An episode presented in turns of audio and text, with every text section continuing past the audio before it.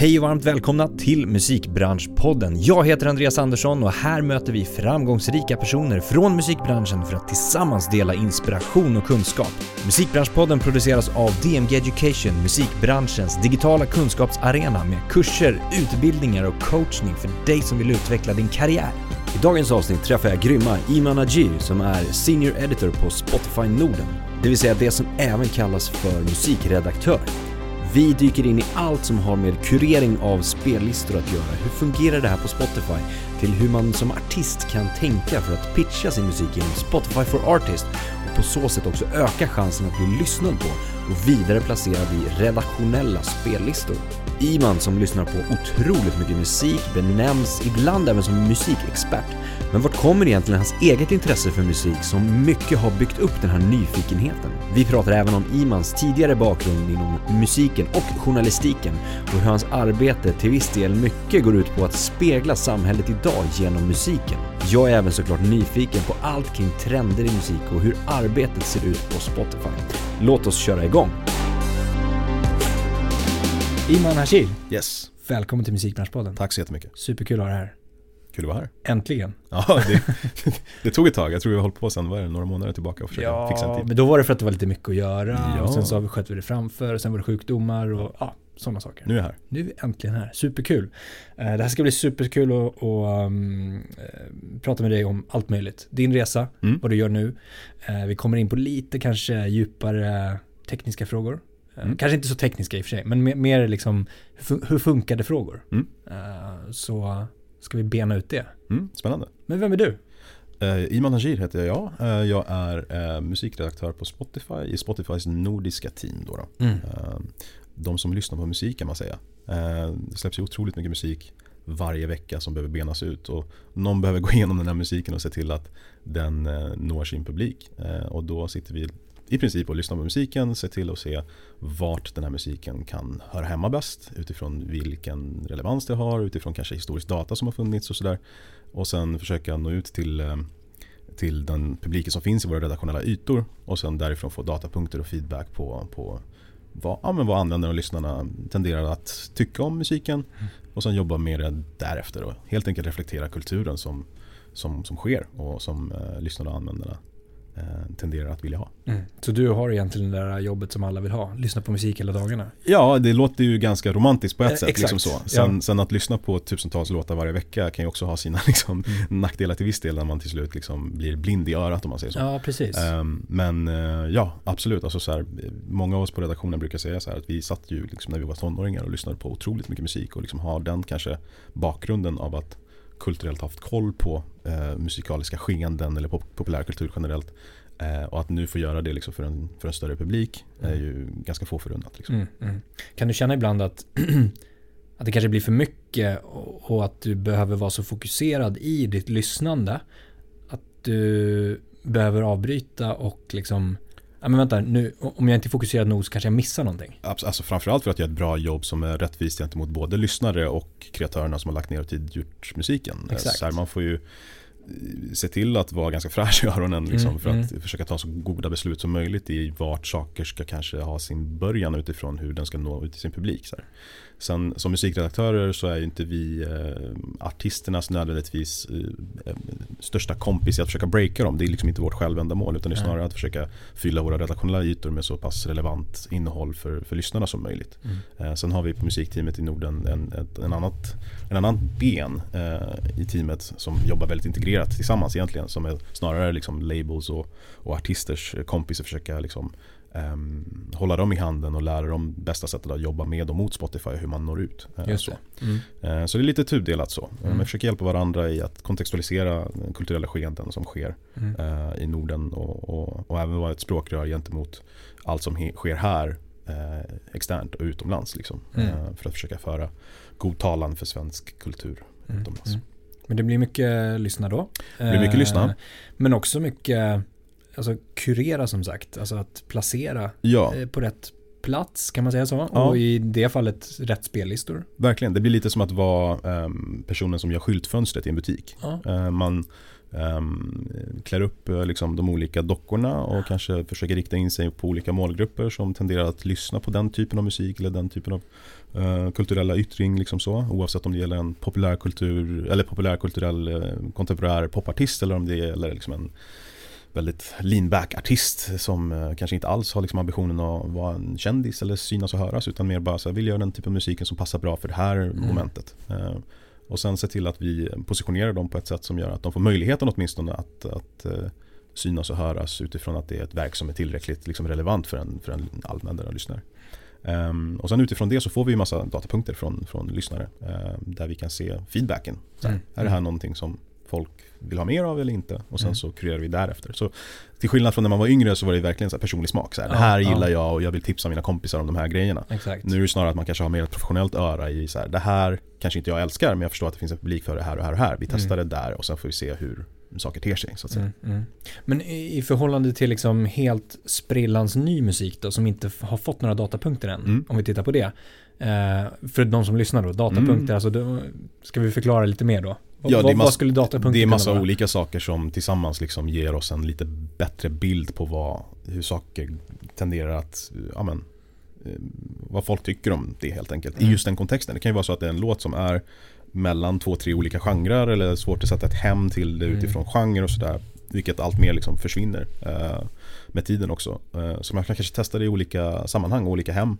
Uh, det finns tenderar att ha flera olika exempel där många världshits har liksom börjat kanske i en smal indie-spellista i, i, i, Sverige eller Norge och mm. sen spridit sig till resten av Norden och sen har vi testat det i en, jag vet, vad vet jag, sommarhitslista eh, mm. under den perioden när det helt plötsligt inte var höst och det var sommar istället och sen så um, i den tidpunkten så hände det mm. uh, och då hade vi en bra uh, case eller story att berätta för våra kollegor runt om i världen och sen helt plötsligt har vi en världshit som har liksom kommit från en, en, en, annan del av världen, börjat i Norge eller Sverige och sen spridit sig till hela världen. Så, mm, mm. Um, så det är mycket sån typ av jobb att kunna hela tiden läsa av de här datapunkterna, se så okej okay, här funkar det, här funkar det inte.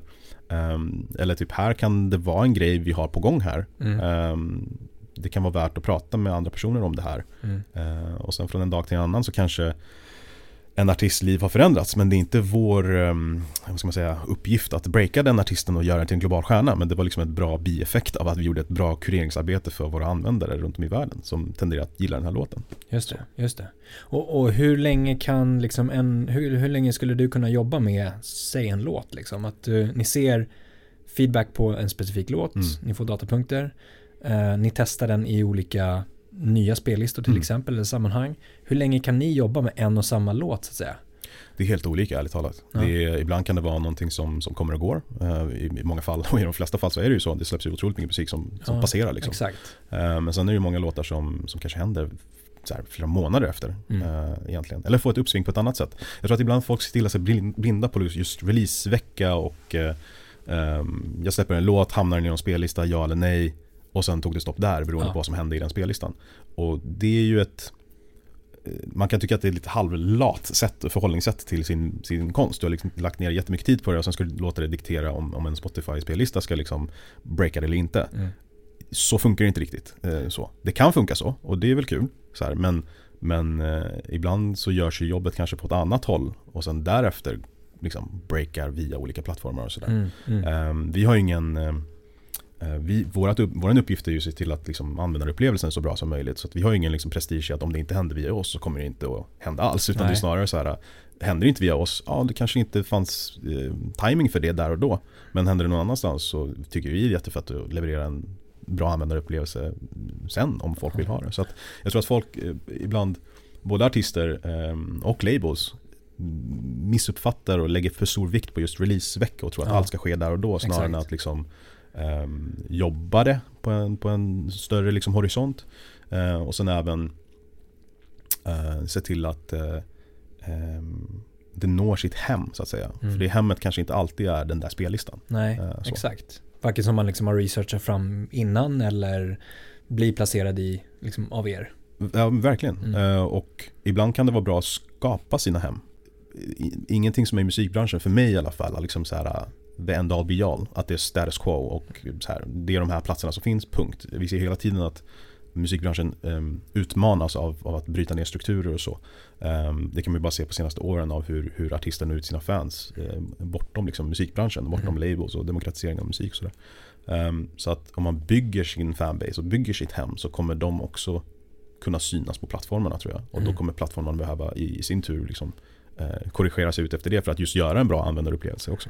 Så att eh, jag tror det är mycket mer komplext än så än att liksom stirra sig blind på liksom ett sätt att ta sig ut ja. och funkar inte det så är det liksom game over. Ja, och just att inte bara stirra sig blind som du sa på releasevecka utan vi har pratat om det tidigare på den om katalog också, mm. alltså musik som är äldre än 18 månader. Mm. Um, och det är inte så lång tid. Nej, precis. Det är, det är ju väldigt kort tidshorisont. Liksom. Verkligen. Man ser ju bara på senaste tiden hur, hur liksom olika typer av kortformat videoklipp har påverkat katalogmusik för att det har satt sig i en ny kontext för en ny publik. Exakt, så. exakt. Um, så att uh, det är verkligen så. Och där kan ni jobba med katalog också då att se, ja, men ni, får, ni får ju datapunkter på det också mm. då, så att säga.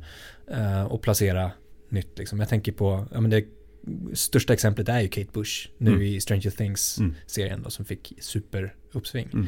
Uh, men det finns ju andra som du sa, alltså inte bara Netflix-serier utan kortformats uh, videoklipp till exempel. Verkligen, och det kan, det kan till och med um, gälla uh, tider på året som julen till exempel som vi ja. börjar närma oss nu också. Att så här, man ser ju vilka låtar som alltid är liksom de traditionsenliga låtarna som eh, lyssnarna tenderar att vilja ha i en ganska traditionsenlig tid på året där man liksom vill ha en viss typ av soundtrack som ska signalera eh, den här perioden vi går in i. Eh, och det är mycket jullåtar som släpps men det är ganska lite som tenderar att komma tillbaka till vad folk vill ha. Men mm. de låtarna som faktiskt kommer igenom där kan ju tendera att bli liksom katalog success stories för att det är återkommande soundtrack till, eh, till, eh, till ditt liv på ett sätt. Ja, ja. Men om man är, eh, vi pratar om det, att det är liksom en, en eh, slags roll som ändå eh, utifrån sett mm. ser väldigt spännande ut och mm. verkar väldigt sådär, ja men nice. Um, hur svårt är det att bli en musikredaktör? Oj, jag tror inte att um, alla, resor är den, alla resor är sig lika. Liksom. Jag, jag, kan på något sätt utifrån min bakgrund bara prata om min bakgrund. Så. Um, för mig så, så kommer det från att uh, Eh, musik har liksom alltid varit en enorm del av mitt liv. Eh, och jag skulle kunna, kanske attribuera det främst till min, till min pappa som, som eh, är poet och skriver musik. Eh, så, för, eh, för persiska artister. Eh, så att han har liksom sjungit mig till sömn sedan jag var liten. Så det, fin det finns kanske redan ett melodispråk där uh. i tidigt stadie. Och sen själv i tonåren så var jag tidigt exponerat för musik och populärkultur framförallt. som, som barn till, till invandrare i Sverige så var vi Ehm, väldigt tidiga med att ha parabol såklart och var kanske de enda personerna i hela Skellefteå som hade tillgång till MTV liksom tidigt eh, i, i slutet av 80-talet och början av 90-talet. Så att jag exponeras för väldigt mycket populärkultur och jag minns att när jag kom hem från, från skolan i, i grundskolan och, och till och med innan det på förskolan så eh, jobbade mina föräldrar dygnet runt. Så jag kom hem och jag hade lärt mig att liksom laga mat. Antingen som mackor eller nudlar och sådär. Och så brukade jag trycka fram den här fåtöljen hemma hos mig. Eh, och ta den här VHS-kassetten som jag hade snott från pappas kiosk. Som var liksom John Landis eh, behind the scenes eh, film på hur Thriller-videon skapades av Michael Jackson. Mm. Jag tror jag har sett den kanske 370 gånger. Eh, eh, back to back to back to back under den här perioden. Liksom. Så det var mycket sån typ av populärkultur som jag matades med vilket ledde till att jag själv började liksom, vara intresserad av musik eh, under mina eh, Ja men precis innan tonåren, där vid 11-12 så började jag skriva liksom, texter. Um, vad det var, nej, vad det var minns jag inte just nu. Nej, exakt. Men det var liksom, det var liksom rim. Uh, och, och så här, säkert inspiration från pappa. Att, så här, dels poesi men dels också liksom raps. Um, jag hade en bror som var väldigt liksom, inne i grungevågen i början av 90-talet. Så att jag liksom, mitt, mitt rum var liksom en hall till hans rum i princip. Mm. Så jag liksom hörde allting han lyssnade på. Så det var liksom allt ifrån uh, East Coast och West Coast hiphop i, i mitt huvud uh, till liksom Soundgarden och Alice in Chains och, och, Temple of the Dog och liksom massa grunge-grejer som var helt apart från det jag mm. liksom, tenderar att lyssna på själv. Så man fick en ganska bred liksom, skolning i musik.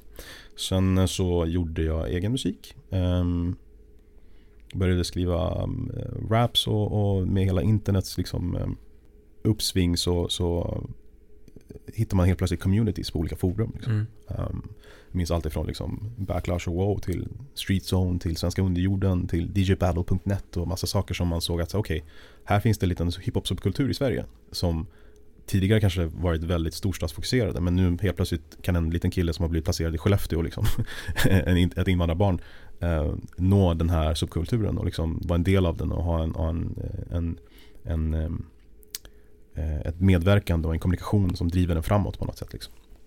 Så jag gjorde det så att jag tror att mycket av min bakgrund utifrån hur jag ser på musik kommer också från det. Dels som fan men dels också som, som medkreatör på något sätt i en viss typ av kultur. Och därför mm. brinner väldigt starkt för kanske just de personerna som har eh, ja, men sovit i studio och så liksom så här, jobbat på sin craft och gjort sina 10 000 timmar och så här, kanske studerar också eh, hur man bäst eh, hittar sin publik eller når ut och sådär. Det var inte allt för sällan jag liksom tog bussen i två timmar, två och en halv timmar från Skellefteå till Umeå för att få liksom studiomöjlighet i några timmar för att mm. spela in någon demo och sen åka hem och sen eh, försöka liksom eh, hitta sätten hur jag kan förfina det här nästa mm. gång jag får mm. möjligheten. Mm. Medan idag så är det liksom vem som helst kan göra det hemma i princip. Så, så. så, att mycket av den eh, förkärleken jag har till eh, till musiken kommer eh, från den perioden av mitt liv tror jag. Mm. Eh, och jag försöker ta med mig det in till eh, vad jag sysslar med idag, även fast idag kan vara lite mer um, bulk ja, och mekaniskt ja. och liksom så. Och Men du kan känna för mer eh, vissa låtar eller vissa liksom, viss musik på ett Ja, mer alltså, personligt alltså, plan eller? Ja men såklart, det gör man ju, man är ju, man är ett subjekt liksom. Ja, ja men jag tänker i, i ditt arbete också, att känna för att så här här ja, eller man, man vill hjälpa till såklart och liksom så här, ähm, sätta det i det där skyltfönstret åtminstone så att du får en chans. Ja. Äh, och sen är det inte vi som dikterar liksom vad som blir stort eller inte men vi kan åtminstone se till att det, det kommer till ytan och få en chans jämfört med, med, med andra olika uttryck som, mm. äh, som kanske liksom inte är relevanta i Sverige på samma sätt. Om mm. jag är musikredaktör i Sverige så brinner jag såklart för att liksom svenska kreatörer ska kunna få möjlighet att komma ut till svenska, äh, svensk publik. om det släpps 50 000 låtar i veckan till exempel så kanske inte ett dödsmetallband från Polen som sjunger på polska är liksom superrelevant här. Utan eh, snarare så här att ansvariga känner så här, hur kan jag se till att vi ehm, lyfter eh, och underblåser svensk kultur mm. till svenskar och se hur, hur det kan te sig eh, framöver.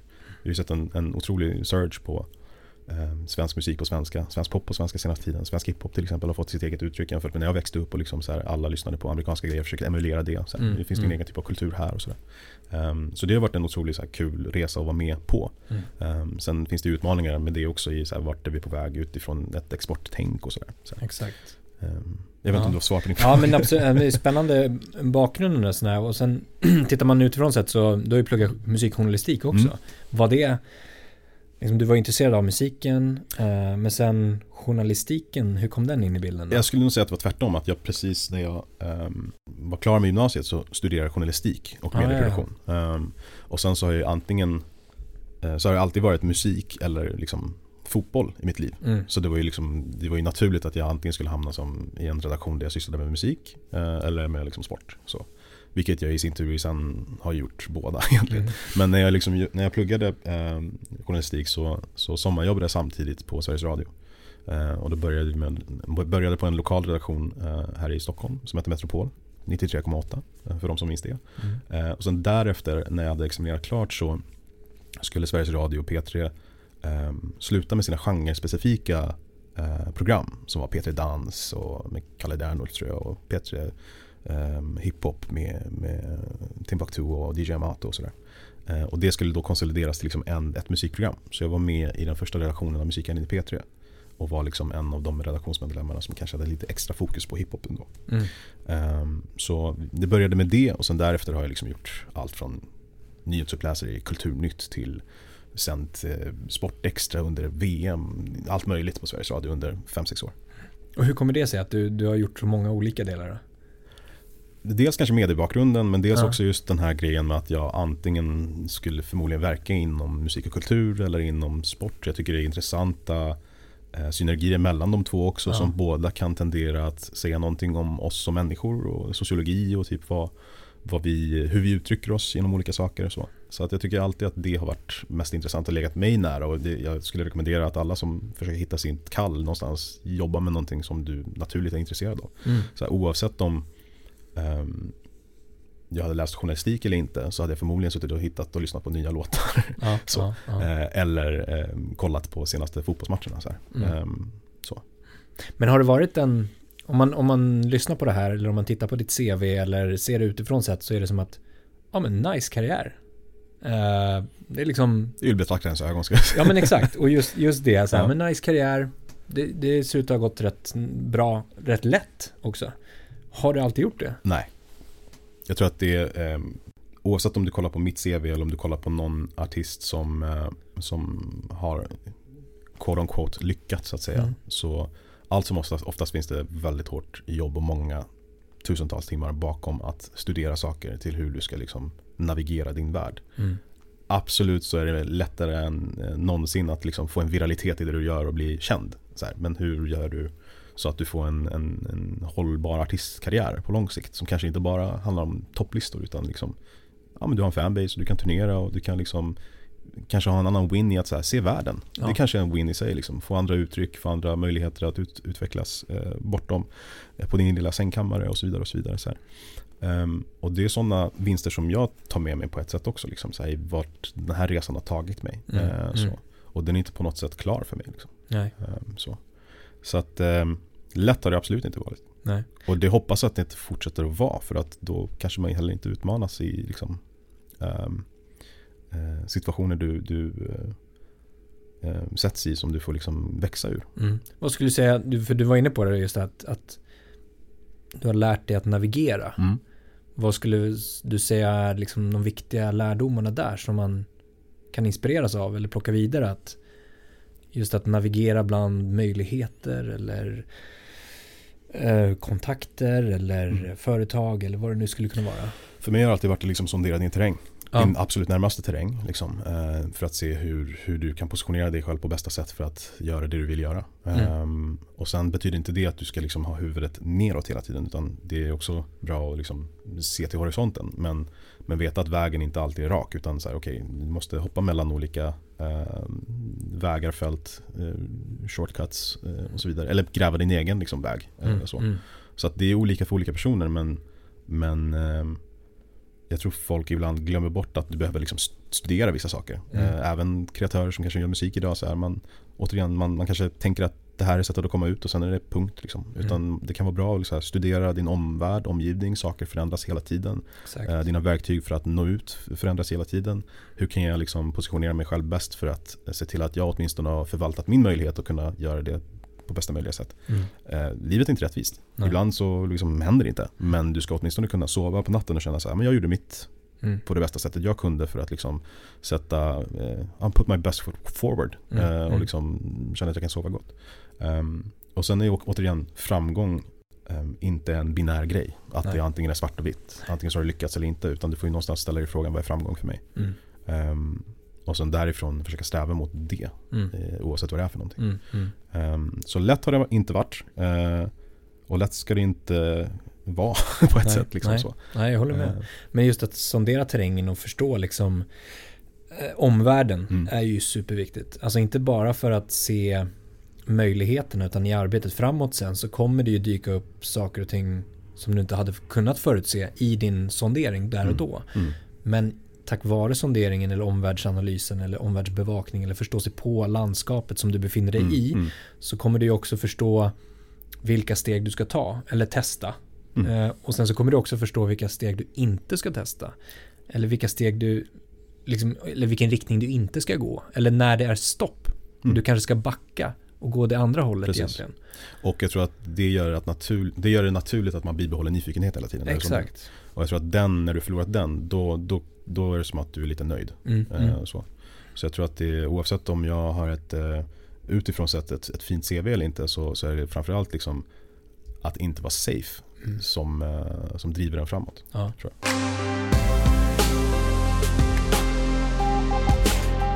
Ska vi gå tillbaka lite grann till Mm. det här med Spotify då? Spellistor och arbete bakom. Mm. Ehm, att pitcha sin musik till Spotify Mm. eller att pitcha att få in sin musik på Spotify eh, går ju att göra. Mm. Oavsett om du är independent artist Ja. via ett hjälp, liksom aggregator till Mm, exempel. mm. Eller om du har ett label via eh, labeln då. Yes. Eh, eller skivbolaget.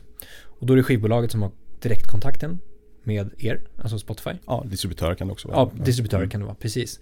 Uh, men sen då så kommer det ju just det här med, med liksom att pitcha som man pratar om mm. oftast. Att, så att ska man pitcha i förväg mm. uh, innan releasen, uh, innan låten är släppt. Ja. hur går det här till? Egentligen så allting görs på Spotify för Artist. Alltså mm. jag började på Spotify för, kan det vara, fem och ett halvt år sedan snart. Och då när, vi, när jag började där så var det verkligen vilda västern i hur förfarandet såg ut när det kommer till pitchning och hur man når ut till, till, ehm, till eh, olika redaktioner runt om i världen för att liksom få sin musik framför någons öron som kan behandla den därefter. Liksom. Mm. Um, när jag började så liksom kunde en låt ha sex olika personer som mejlade om den. Mm. Eh, och logga igenom hundratals olika redaktörers mejl. Eh, som gör att vårt jobb blir också svårare till att göra ett bra jobb för, för både liksom kreatörer och labels men även liksom, eh, lyssnare som är vår huvudfokus.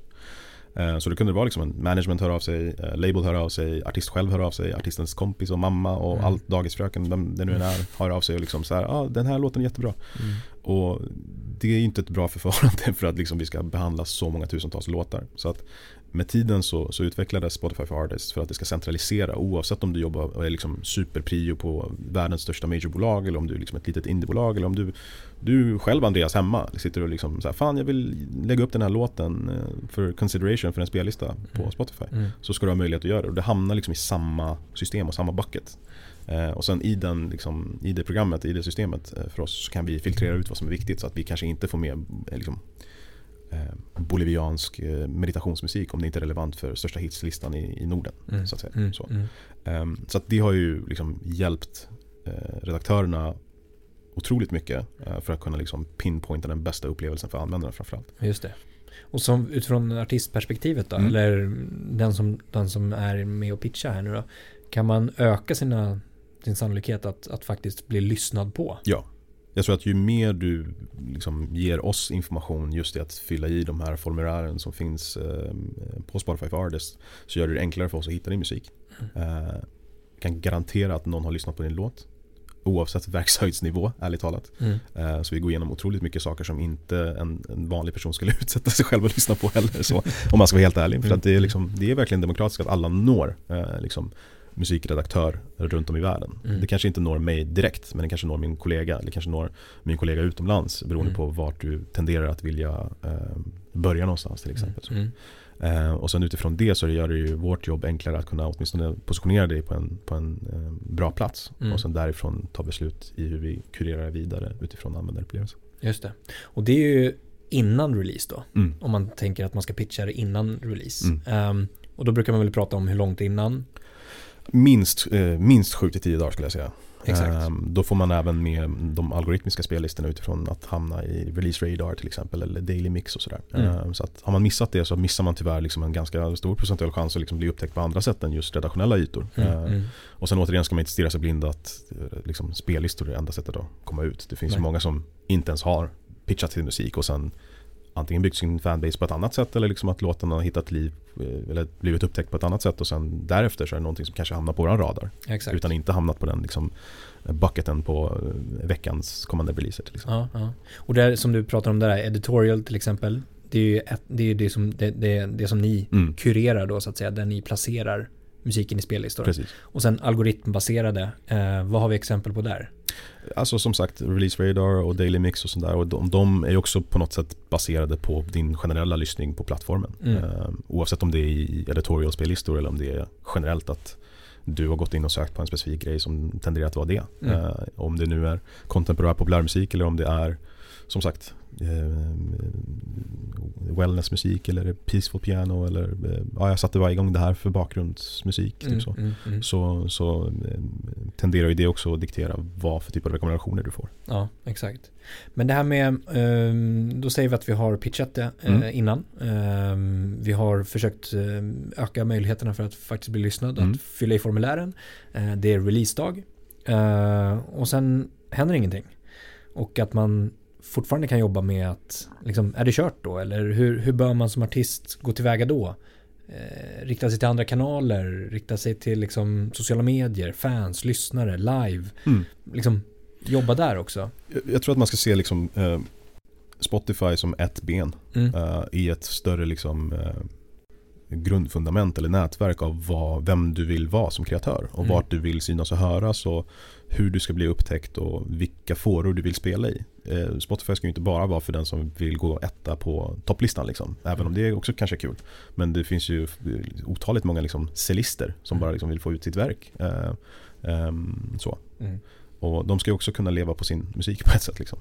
Ja Ehm, men verkligen. så att det beror på lite grann så här, vem vill du vara och Ja. hur vill du jobba din grej? Det Ja. finns ju jättemånga unga personer till exempel som jobbar sin grej genom att bygga sin egna fanbase bortom liksom kanske de här plattformarna. Mm. Eh, som kanske ändå ska leda till oss någonstans. Mm. Men, men det kanske inte är där saker startar jämt. Utan ibland så kanske gör det, ibland så kanske inte gör det. Eh, vissa kulturella yttringar kanske funkar i andra format. Men någonstans är vår huvuduppgift att se till att allting som är audio ska på något sätt reflekteras på ett gott sätt eh, Mm. i vad de kulturella skeenden är i Sverige. För min del då när det kommer till musik ja, ja, just det, just det.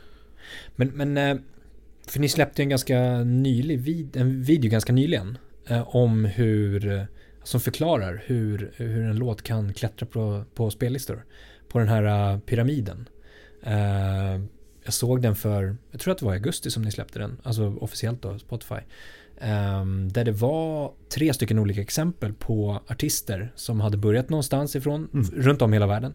Som sen hade liksom klättrat på den här pyramid, eh, liksom, ja, strukturen av spellistor. Mm. Ehm, jag tyckte jag förklarade ganska bra ändå Mm.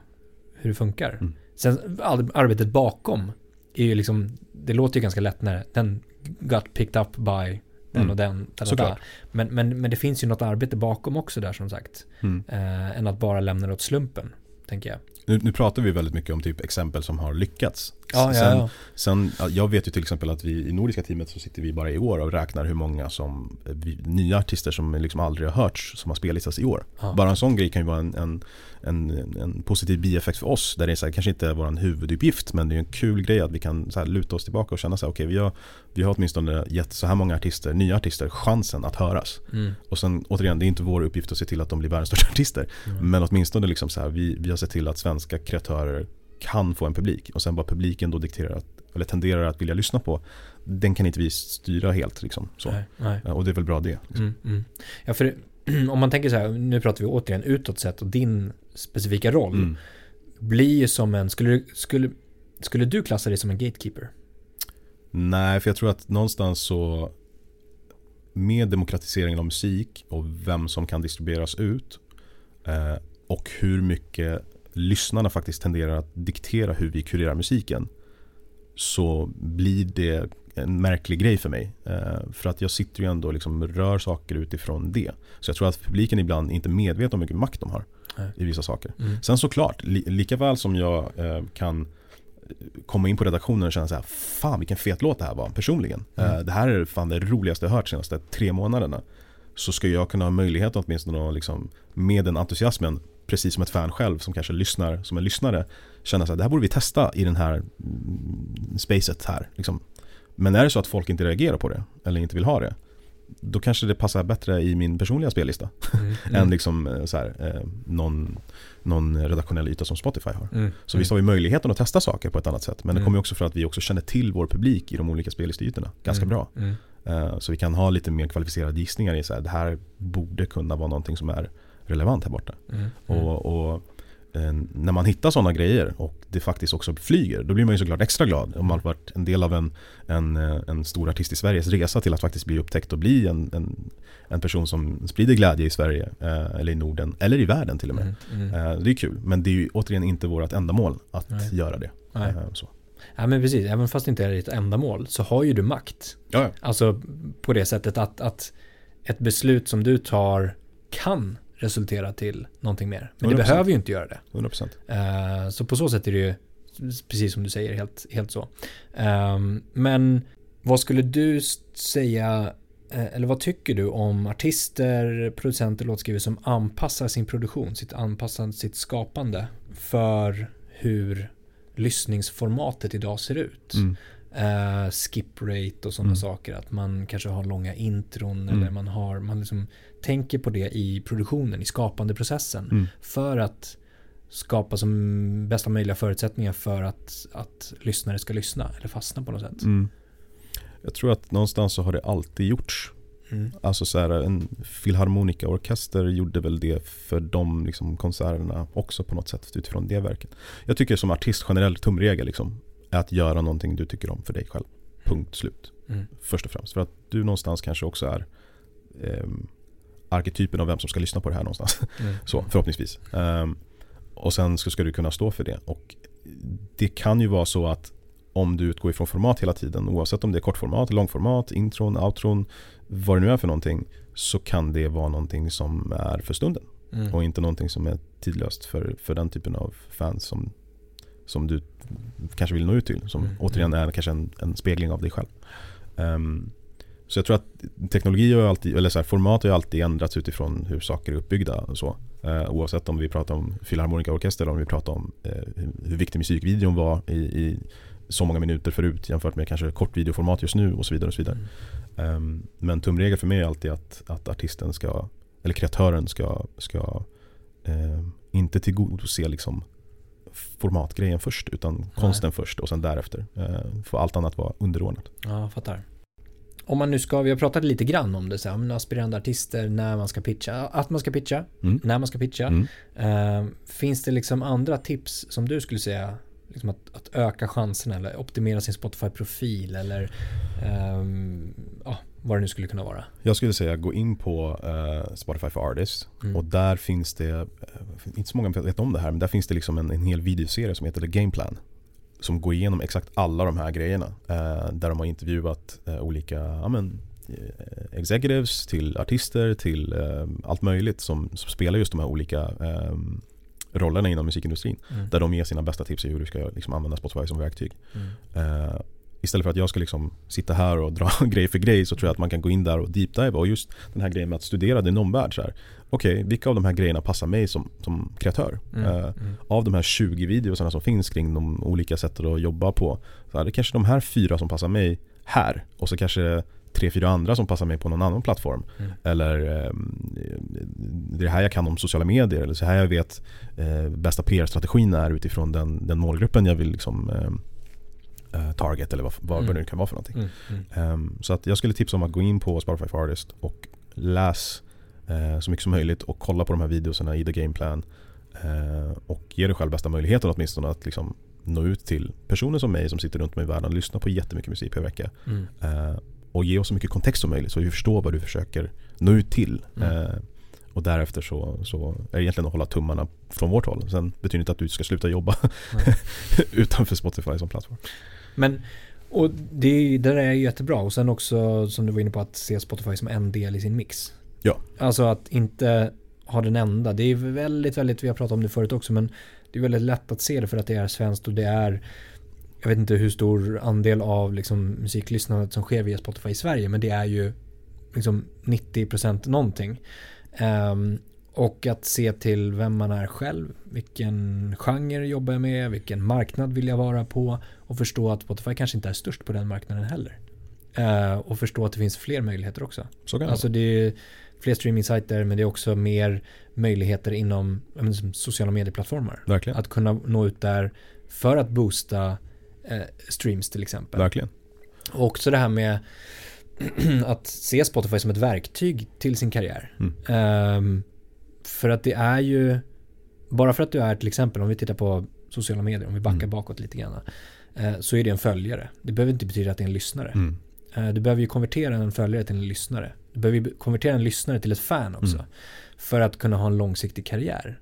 En lyssnare är ju nödvändigtvis inte en som går på konserter, mm. en som köper merchandise, mm. en som eh, streamar på YouTube eller mm. vad som helst. Utan det kanske är en som råkar lyssna på det på något sätt. Exakt, och det är någonstans det som också Spotifys roll i det hela att bygga artistkarriärer eller hjälpa kreatörer kunna leva på sin musik. Och det behöver inte alltid vara att de ska leva på streams Nej. per se. Nej. Och det är det jag tror i Sverige att vi ibland tenderar att liksom stirra sig blinda på. Mm. Att vi tänker så ja men topplistan så här mycket och sen var det det. Mm. Utan det är snarare så här, hur kan du använda den här grejen som ett verktyg för att routa din tour eller sälja din merch eller liksom nå ut till rätt typ av fanbase så att du får de där följarna och blir lyssnare eller faktiskt konsumenter av din, dina verk. Mm. Eh, oavsett om det är eh, en, en tavla du skapar eller en, en låt du gör eller vad som helst. Mm. Vi har ju så många eh, exempel på, på artister som senaste åren har flugit på topplistorna och blivit liksom virala sensationer.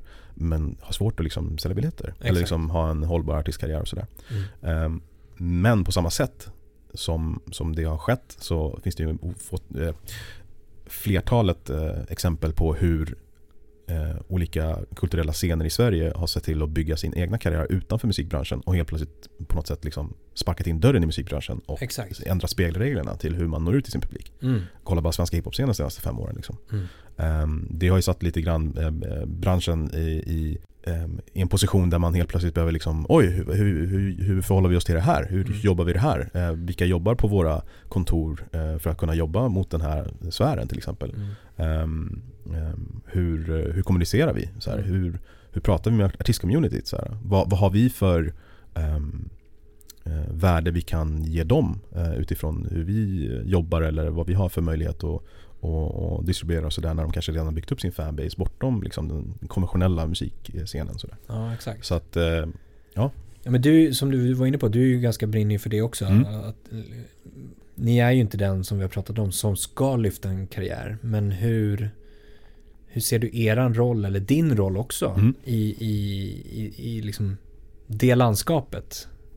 Nej, men när jag bör- började jobba på Spotify för, för fem och ett halvt år sedan så såg jag en, en problematik med att det var en redan otroligt stor underground-scen när det kommer till hiphop och det fanns Mm. otroliga mängder med, med streams överallt, i- ärligt talat, på andra plattformar bortom Spotify. Återigen ett exempel att allt behöver inte börja på Spotify heller. Mm. Men det var många bäckar små.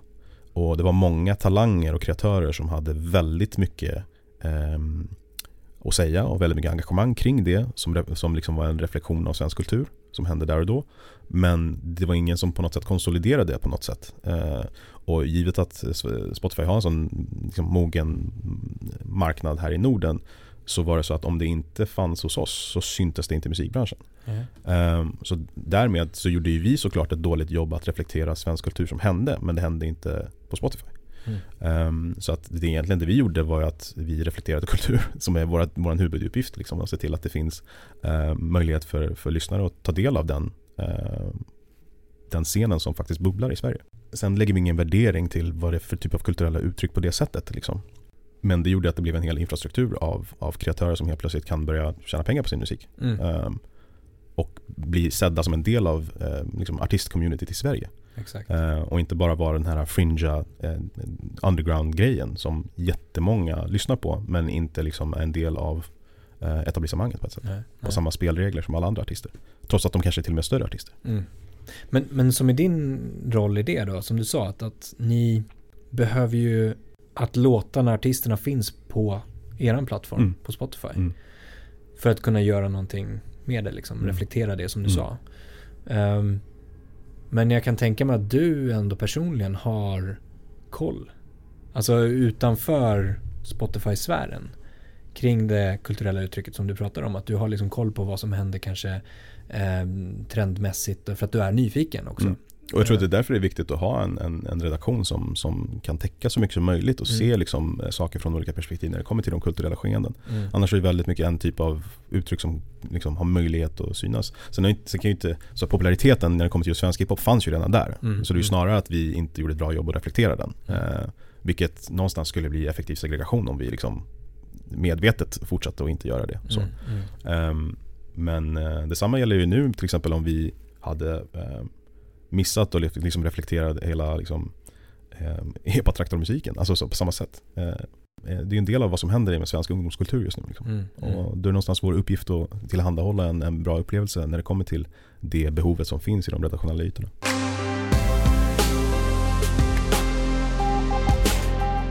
Vi pratade om trender förut också och strax innan också om att eh, julmusiken börjar bubbla nu. Det är Mm. oktober Ja. bara. Eller kanske inte börjar bubbla än sådär men, men, men just det att eh, ni kan se en liten uppsving i. Vad är det för... Ja, det börjar redan ännu tidigare i höstkanten att det, det finns personer som är väldigt julintresserade. liksom. Ja, det är någon som verkligen har... Nu är semestern klar, Exakt, äntligen. nu ser solen vi fram borta, nu börjar löven börja bli liksom gula och, Ja, och då kommer bjällrorna fram. Ja, men då ser ni det, och det, det är väl ofta ett katalog då, som sagt, eftersom ja, nysläppt musik, man släpper ju inte julmusik i augusti-september heller. Nej, sen kommer det liksom redan nu här i oktober så börjar det komma liksom nya jullåtar. Eh, okay. Men sen återigen så är det ju um, en väldigt eh, traditionsenlig tid. Mm, uh, mm. Och det ska ju mycket till att liksom att det, de ska sända något annat klockan tre ja. än Kalle. Så det är ju samma sak med musik, julmusiken, att så här, det finns ju traditioner utifrån vad man vill ha för typ av uh, musik eller stämning. Mm. Så, så att mm. det kanske tar några år innan en låt sätter sig för folk. Mm, mm. Men jag tänker lite grann så här, är det inte lite svårt just med ljudmusik nu, nu fastnade vi på det bara mm. för det, mm-hmm. men, men, vi kan applicera det på andra genrer och, och, och eh, uttryck såklart. Men vi tar det som ett exempel att ja, men copy-pasta år efter år efter år, att inte göra någonting nytt, att det är en ganska skön period. Man kan nästan tänka sig så utifrån sett. Ja, så är det ju inte. Det kommer ju väldigt mycket ja. ny julmusik. Sen är det ju inte allting som, som är liksom eh, relevant nog. Nej, så. Nej. Eh, men det lyssnas ju på fortfarande. Ja. Ehm, och sen har vi ju, vi har ju till och med spellistor som är specifikt för ny julmusik. Ja. Bara för att få någon indikation feedbackmässigt för att se om så är någon, någonting av de här nya låtarna som tenderar att, att eh, fungera bättre än de andra. Mm. Och fylla det behovet. Liksom så. Eh, så kanske vi liksom testar det. Mm. Alltså från en lite mindre obskyrare ny julspellista till liksom den, en huvudsoundtrack för julen. Mm. Eh, och se om det funkar eller inte. Mm. Så att eh, ja och nej. Mm. Jobbet tar ju aldrig slut. Den tiden vi har mindre musik att lyssna på är det ju väldigt mycket planering inför, inför kommande liksom, tid ja. och kvartal. När, när på året är det, släpps det minst musik liksom? Förut var det mycket, när distributionskanalerna inte var lika demokratiska mm. så var det ju mycket mer eh, när folk är på kontoret ja. liksom så, och jobbar musiken. Nu när det är öppet för alla så tenderar jag att se mindre och mindre eh, vad ska man säga, fluctuations mellan liksom, eh, att det kommer och inte kommer. Ja. Det har ju funnits tillfällen när folk har liksom släppt mitt i mellandagarna mm. och det helt plötsligt ändå är, går topp 10 mm. i Sverige. Mm. Så det finns inte samma typ av regler längre skulle jag säga. Eh, och det är väl ännu ett exempel på liksom demokratisering av musik när det kommer till både uppladdningen men även liksom konsumtionen. Ja, om, om, folk tenderar att lyssna på det då Mm. När folk är lediga så kommer det ändå flyga av sig själv. Ja, liksom. Ja.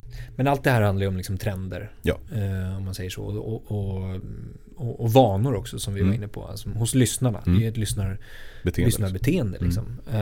Um, och ja, men vi ser väl mer och mer att man använder musik snarare än att bara lyssna på musik. Det, det är ju beroende på lyssnare såklart. Mm.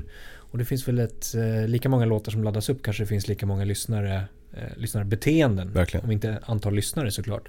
Um, det kan vara allt från som du sa meditationslistor, mm. uh, peaceful piano, att man använder det i olika former i sitt liv mm. på något sätt. Snarare än att det tidigare var att nu sätter jag på musik för att lyssna på det. Och att radion då var uh, mer en, en bakgrundsfaktor. Mm. Um, nu har ju det här blivit den moderna radion på något sätt. Bakgrundsmusiken. Um, och jag vet att du var ju med i en panel. Mm. Eller du, du har suttit med i massa paneler ja. uh, sen tidigare. Men jag tänker på en specifik ganska nyligen. På Gather Noise. Mm. Som hette just Breaking Platforms. Uh, eller hur? Mm. där ni pratade lite grann till det här att just breaka artister radio tidigare var väldigt mycket inriktad på att ja, men där kan man breaka artister. Eh, det kanske har plockats bort lite grann nu och att det egentligen mer makten går till lyssnaren och mer att plattformarna, alltså ni är ju en plattform tillsammans med andra, kan breaka en artist. Mm, snar eller snarare hur, hur kreatörer använder plattformar för att breakas. Eh, mm. Beroende på vart man eh, liksom tenderar att röra sig mot. Just det, just det. Eh, så.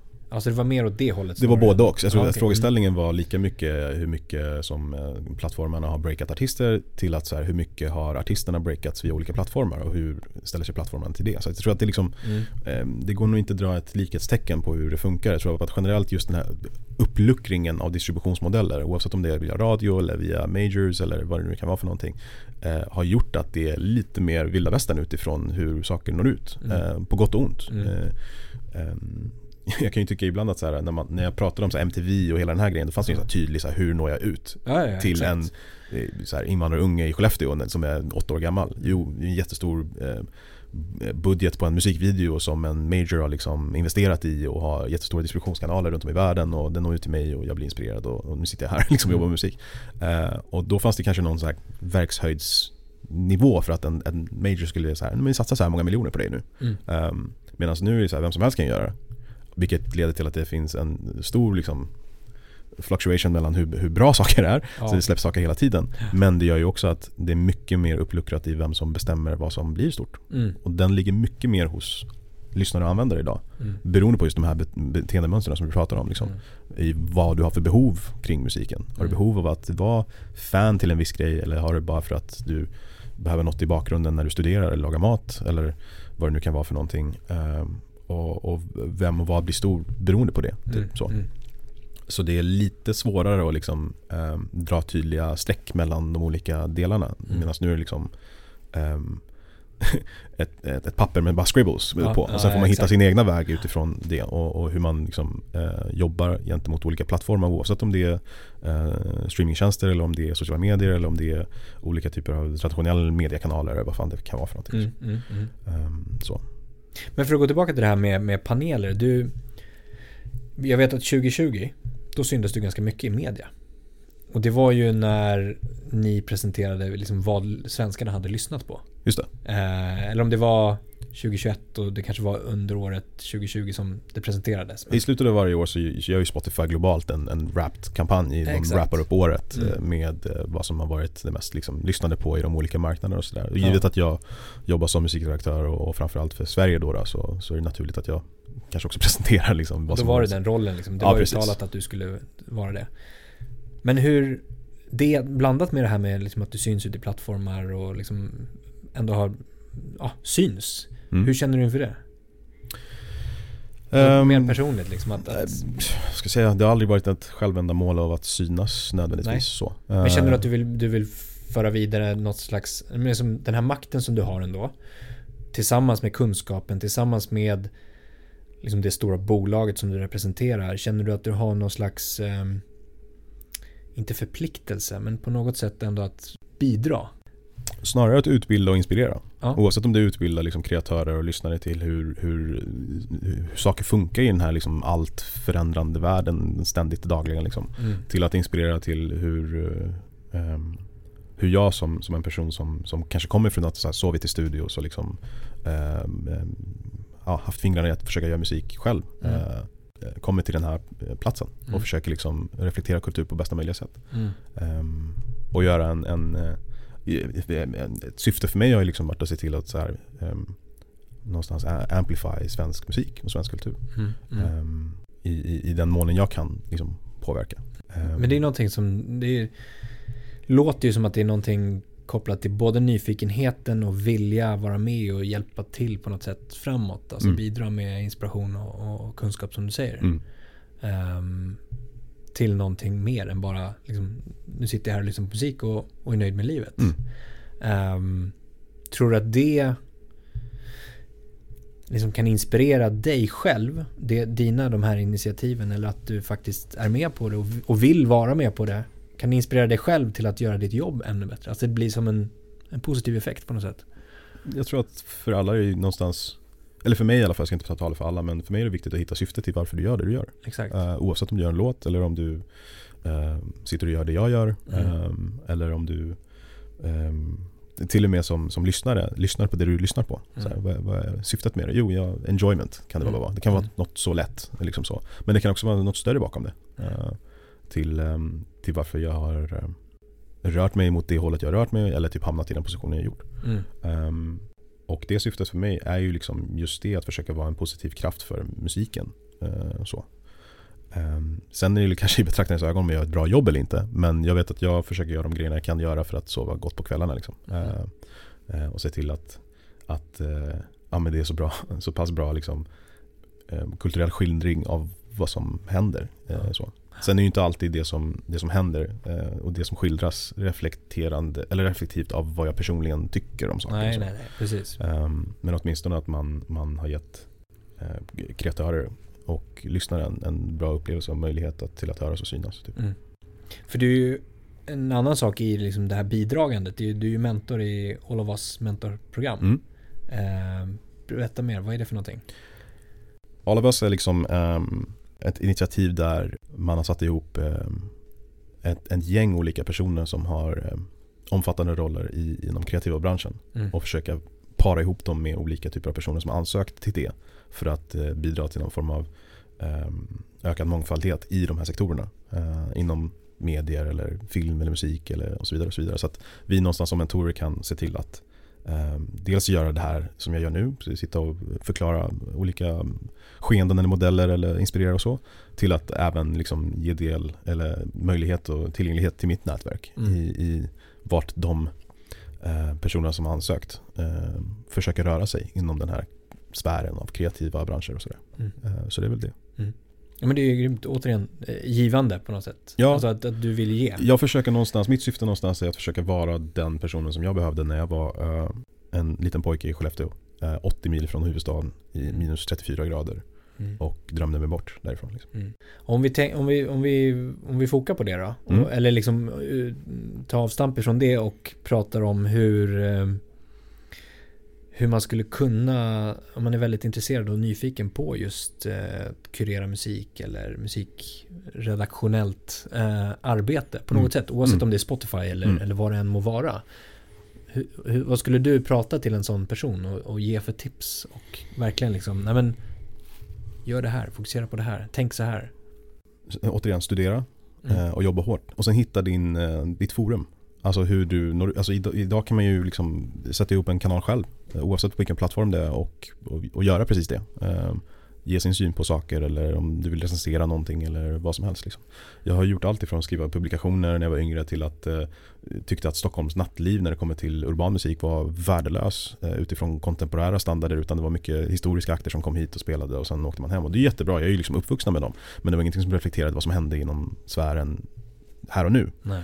Och då kände jag att jag behöver vara en förändring i det själv och mm. gjorde det själv då, 2000 var bara 11-12 efter musikguiden. Mm. Så att jag tror att det handlar om det. Så för mig handlar det om att någonstans om du inte ser den ehm, det som du kanske behövde när du var yngre, försök vara den personen eller den, den, den spelaren för att göra den förändringen mm. för, för din nästkommande. Liksom. Det någonstans ger mig ehm, eh, gratification, liksom att jag, jag har gjort någonting, inte bara för mig själv utan förhoppningsvis för någon som kanske var i samma situation eller position som jag. Mm. Um, så det är väl det. Det är mm. väl att jag försöker någonstans hitta mitt syfte i hur jag kan eh, använda min position som jag är just nu och, och det privilegiet jag har för att liksom eh, eh, åtminstone öppna upp en dörr för nästkommande. Sen måste ju den personen också gå igenom den dörren. Mm. Mm. Den måste ju skriva för den publikationen eller ja, göra den där uh, efforten för att liksom så. Um, men uh, det går väl hand i hand med liksom mentorskapsgrejen också. Så mm. Uh, jag kan ju göra mig själv tillgänglig till det eller till, till att prata här med dig. Um, men sen eh, måste ju eh, liksom, framåtrörelsen komma från, från, eh, från den individen av sig själv också. Mm, mm. Men om man tänker på det här med musiken då, att, mm. att lyssna på musik. Eh, ofta pratar vi om det oavsett om det kan vara en A&R-roll eller om det är en musikredaktionell roll eller vad det kan vara. Att kunna musik inom citationstecken. Liksom, att, att veta om och lyssna på det och veta mm. om, som vi, som vi var inne på i, i början på samtalet också. Mm. Har du något tips eller tankar på hur man kan lyssna på musik aktivt? Um, och vad man ska lyssna på? Ja, jag, jag har ju liksom ett personligt öra och ett professionellt öra utifrån ja, liksom de ut, ytorna jag jobbar med till exempel. Uh, men alltså, jag går till, återigen när jag var liten så uh, innan Spotify existerade så fanns ju en, en väldigt stor piratvärld uh, liksom, värld, mm. bortom liksom, radiokanaler och, och MTV som vi pratade om innan och sådär. Jag minns att jag var så pass intresserad att bortom att jag hade liksom prenumerationer på, på tidningar och, och dylikt så, så satt jag aktivt och gick igenom olika diskografier som personer hade gjort tillgängliga på sina um, hårddiskar. All right. Så att även om jag visste där och då när jag var 8-9 år gammal att så här, men jag gillar hiphop. Ja. det är min grej. Och sen känner jag till lite av de här äh, grunge-grejerna som min brorsa håller på med. Jag känner till lite av det som spelas på MTV och radio och sådär. Äh, läser lite tidningar och så. Men fan, det här med Woodstock, ja. vad fan är det för något? Alltså så, Led Zeppelin, jag vet att de är liksom rocklegender, men varför? Mm. Så. Mm. Och sen när man kunde gå in liksom i folks hårddiskar eh, och liksom säga ah, här är Led Zeppelins diskografi. Här är, fan vet jag, Grateful Dead. Här är Richie Hawkins, här är Jimi Hendrix Experience. Här är liksom hela den här låtskatten som jag har hört talas om men inte har någon relation till. Mm. Studera utifrån de diskografierna så kanske jag var så här, aha, det här var inte för mig, just den här grejen. Men fan vad jag gillar den här låten.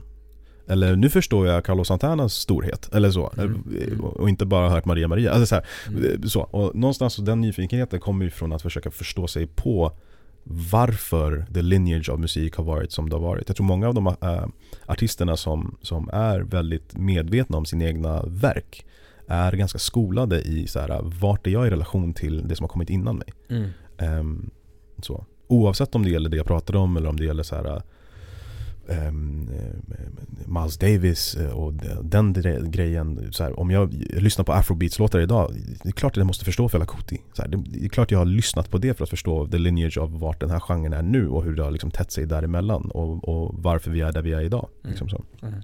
Ehm, och jag tror bara att, att jag också haft en, en, en skola av både så persisk kultur från liksom 70-talet innan revolutionen till att liksom blivit exponerad till MTV gör att rangen i vad som är musik för dig liksom blir mycket större än bara svenska sommarklassiker. Liksom. Mm. Mm. Men man har så många olika delar av kulturella sfärer som jag har exponerats till under så eh, kort tid, mina första tio år. Att man, man får en större bredd och bild av vad musik kan vara Mm. och är för olika perso- personer och människor. Ehm, så jag tror att för mig har det, det öppnar upp väldigt stora dörrar för mig att inte bara bli exponerad till, till de stora distributionskanalerna som fanns då, men att internet öppnade upp sig och man kunde aktivt gå in och liksom läsa på i princip Mm. om olika saker utan att behöva ha någon förförståelse utan bara så att dyka in i det och börja bena ut vad som är för dig vilka låtar inom den här Woodstock-rörelsen som kanske personligen gjorde det för mig Mm. och vilka som inte gjorde det men jag kan förstå, förstå storheten i det av att förstå konceptet och kontexten kring vad det var för någonting, vad det var för typ av rörelse och så vidare. Och så, vidare. Um, så jag försöker se på musik på det sättet oavsett om det gäller den eran eller om det gäller um, Britpop-eran eller om det gäller synt-grejen eh, eller hårmetall-grejen på 80-talet eller satanistvågen liksom i Norden. Alltså så här, vad den är för någonting och förstå liksom de grejerna. Och ibland kan jag känna såklart att så här, storytellingen kring musik med en digital eh, era där det går väldigt snabbt den romantiken som fanns för mig då kanske faller lite grann. Mm. Men den lämnar jag lite grann till de, den yngre generationen att kunna liksom lösa det åt sig själv och kunna ha den en, liksom, historieberättaren eller, eller eh, de agendasättarna inom narrativet kring musik idag. Det tror jag inte är bra om en 34-årig snubbe kommer och säger till folk så här ska ni prata om det. Utan den typen av romantik någonstans i att förstå musikkulturen eh, historiskt sett Mm. eh, behöver någonstans av ungdomskulturen idag eh, hitta sitt sätt att prata om den tror jag. Mm. Ehm, eller så här, din fråga var liksom att så här, hur gör man om man vill vara en sån spelare idag? Och jag tror att där sitter någonstans nyckeln för framtiden när det kommer till musikkultur och inte bara som så här, ja, topplistor hit och dit och streaming hit och dit och spellistor hit och dit. Utan hur pratar vi om de här grejerna bortom det? Mm. eh, i, här, i, i form av kulturella skeenden. Och någonstans i mitt syfte som, som musikredaktör är det att kunna vara den rösten internt på ett sånt företag. Att när sådana saker händer, att kunna vara rösten som så här, pratar om det i en kontext där en ehm, säljare eller komstperson eller marketingperson kan säga ah, nu förstår jag vad det här är för någonting. Mm. Det gör det enklare för mig att jobba med det på ett sätt. Liksom. Just det. Ehm, så. Mm. så att bortom att lyssna på musik och liksom jobba med redaktionella ytor och, och, och spellista saker och läsa datapunkter och få feedback från lyssnarna så tror jag att mycket att mitt jobb är att också vara den personen eh, internt. Så var det till exempel väldigt mycket på när jag var på Nike i, i, i Amsterdam eh, och jobbade två år som, som liksom artistansvarig för norra Europa. Ehm, då var det väldigt mycket så att externt sett så var man liksom kontakten gentemot artister och labels och så om det var någonting som samarbetemässigt eh, skulle hända med, med Nike. Ehm, men internt så var det väldigt mycket att liksom så här vara veto-personen Mm. när en funktion som eh, running eller sportswear eller basketball eller golf eller vad det nu än är kommer med en marknadsplan och bara fan vi har den här skon eller den här vad det nu kan vara för någonting och vill eh, marknadsföra den med den här artisten tycker vi är spännande. Mm. Då kunde jag säga absolut inte. För det doesn't make any sense. Ehm, om, om ni vill ha den här akten på en running-grej det är jättekonstigt för att den är så här, chainsmoker. Mm. Mm. Mm. Den liksom har aldrig sprungit i sitt liv. Så här. Det räcker inte med att den är cool och har liksom ett, eh, en, en, stor följarbas som, Nej. som ni kan exponera er produkt till. Utan det måste ju finnas en korrelation mellan vilken typ av storytelling ni försöker göra. Liksom. Så att förstå de grejerna utifrån ehm, ehm, kulturella skeenden och, och hur saker ehm, kommuniceras tycker jag är väldigt spännande. Men du var inne på det här med nyfikenheten för din egen skull nu då. Nyfikenheten eh, fortsätter växa. Jag vet att du kanske inte kan liksom sia om framtiden, men vad, vad skulle du vilja utforska själv framåt? Du ändå, du pratar om att du är 34 år gammal, gammal man, men, men du har ju många år kvar om man säger så. Raljera lite grann. eh, nej men jag tycker att det är en, eh, en det, det känns ju allt mer som en snabbare snabbare värld. Eh, dels från ax till limpa liksom, men även i hur saker tenderar att svänga från höger till vänster och sådär. Eh, jag tycker det ska bli intressant att se hur eh, Sverige som har haft eh, en väldigt säregen ställning när det kommer till musikbranschen i världen under en lång tid, eh, i synnerhet per capita, kommer att ha det fortsättningsvis. Och vad vi eh, som svenska musikverktyg, som jag ser oss någonstans, Mm. vad vi har för roll i att kunna fortsätta bibehålla en stark liksom, svensk musikkultur internationellt också. Mm. Eh, de senaste fem åren har det varit väldigt mycket svensk pop, svensk hiphop som har varit populärt lokalt. Och det är jättefint att se att den här lokaliseringen har skett liksom, generellt över hela världen på ett sätt. Liksom att, ehm, till exempel i hiphopen, att alla bara inte kollar på USA och försöker emulera vad de gör där borta utan att man försöker hitta sina egna liksom, eh, nyanser och, och kulturella eh, skeenden som språk och uttryck och sätt att göra saker på. Ehm, men vad innebär det också för, för lokala artister eh, för att nå ut på Mm. lång sikt till exempel. Mm. Eh, jag tycker vi är starkt liksom equipped eh, till, när det kommer till vår så här, eh, songwriting och producentsida till exempel som fortsätter liksom leverera världshits och sådär. Eh, men vad händer framöver med liksom kreatörerna som allt mer tenderar att liksom fokusera på sin lokala marknad. Mm. Det ena behöver inte utesluta det andra. Och jag tror att det ska bli intressant att se hur vi rör oss framåt eh, i en värld som, som har varit lite mer lokaliserad de senaste åren Mm. och hur det kan eventuellt skifta tillbaka. För ingenting är alltid föränderligt. Ingenting stannar ju upp liksom. Eller nu, nu är stopp, nu kommer det alltid vara så här. Utan, ehm, det är spännande och även vilka typer av uttryck som kommer uh, komma ur det här. Mm. Ur det här så kallade liksom uppluckrandet och, Ja. och komplexiteten som har ökat och ibland kan det kännas lite som kaos. eh, Så. Vad för typ av kreativa utlopp kommer ur det och vart kommer det att ta oss som eh, nu blev det väldigt fluffigt men som beings, alltså så. Ja, hur ja, kommer det jag att liksom reflektera vår värld? Mm. Eh, Så. Och vad är din roll i det hela framåt då? Och försöka reflektera så bästa möjliga sätt egentligen. Mm. Ehm, så, tror jag. Mm. Och se till att eh, fortsätta inspirera att eh, ställa sig de här frågorna. Och vara nyfiken. Grymt. Så, Iman, stort tack för eh, grymt snack. tack snälla. Tack för att jag fick komma. Jättestort tack för att du har lyssnat på podden idag. Det uppskattas verkligen. Kom ihåg att följa, stjärnmarkera, gilla, dela, kommentera för att hjälpa till att sprida kunskapen i musikbranschen. Vi vill också jättegärna höra från dig. Vilka utmaningar står du inför? Vad tycker du är svårt? Vad tycker du är lätt? Vad vill du höra? Vad vill du veta? Vad vill du lära dig? Hör av dig till oss på info at dmgeducation.se. Tack för idag och ha en fortsatt härlig dag.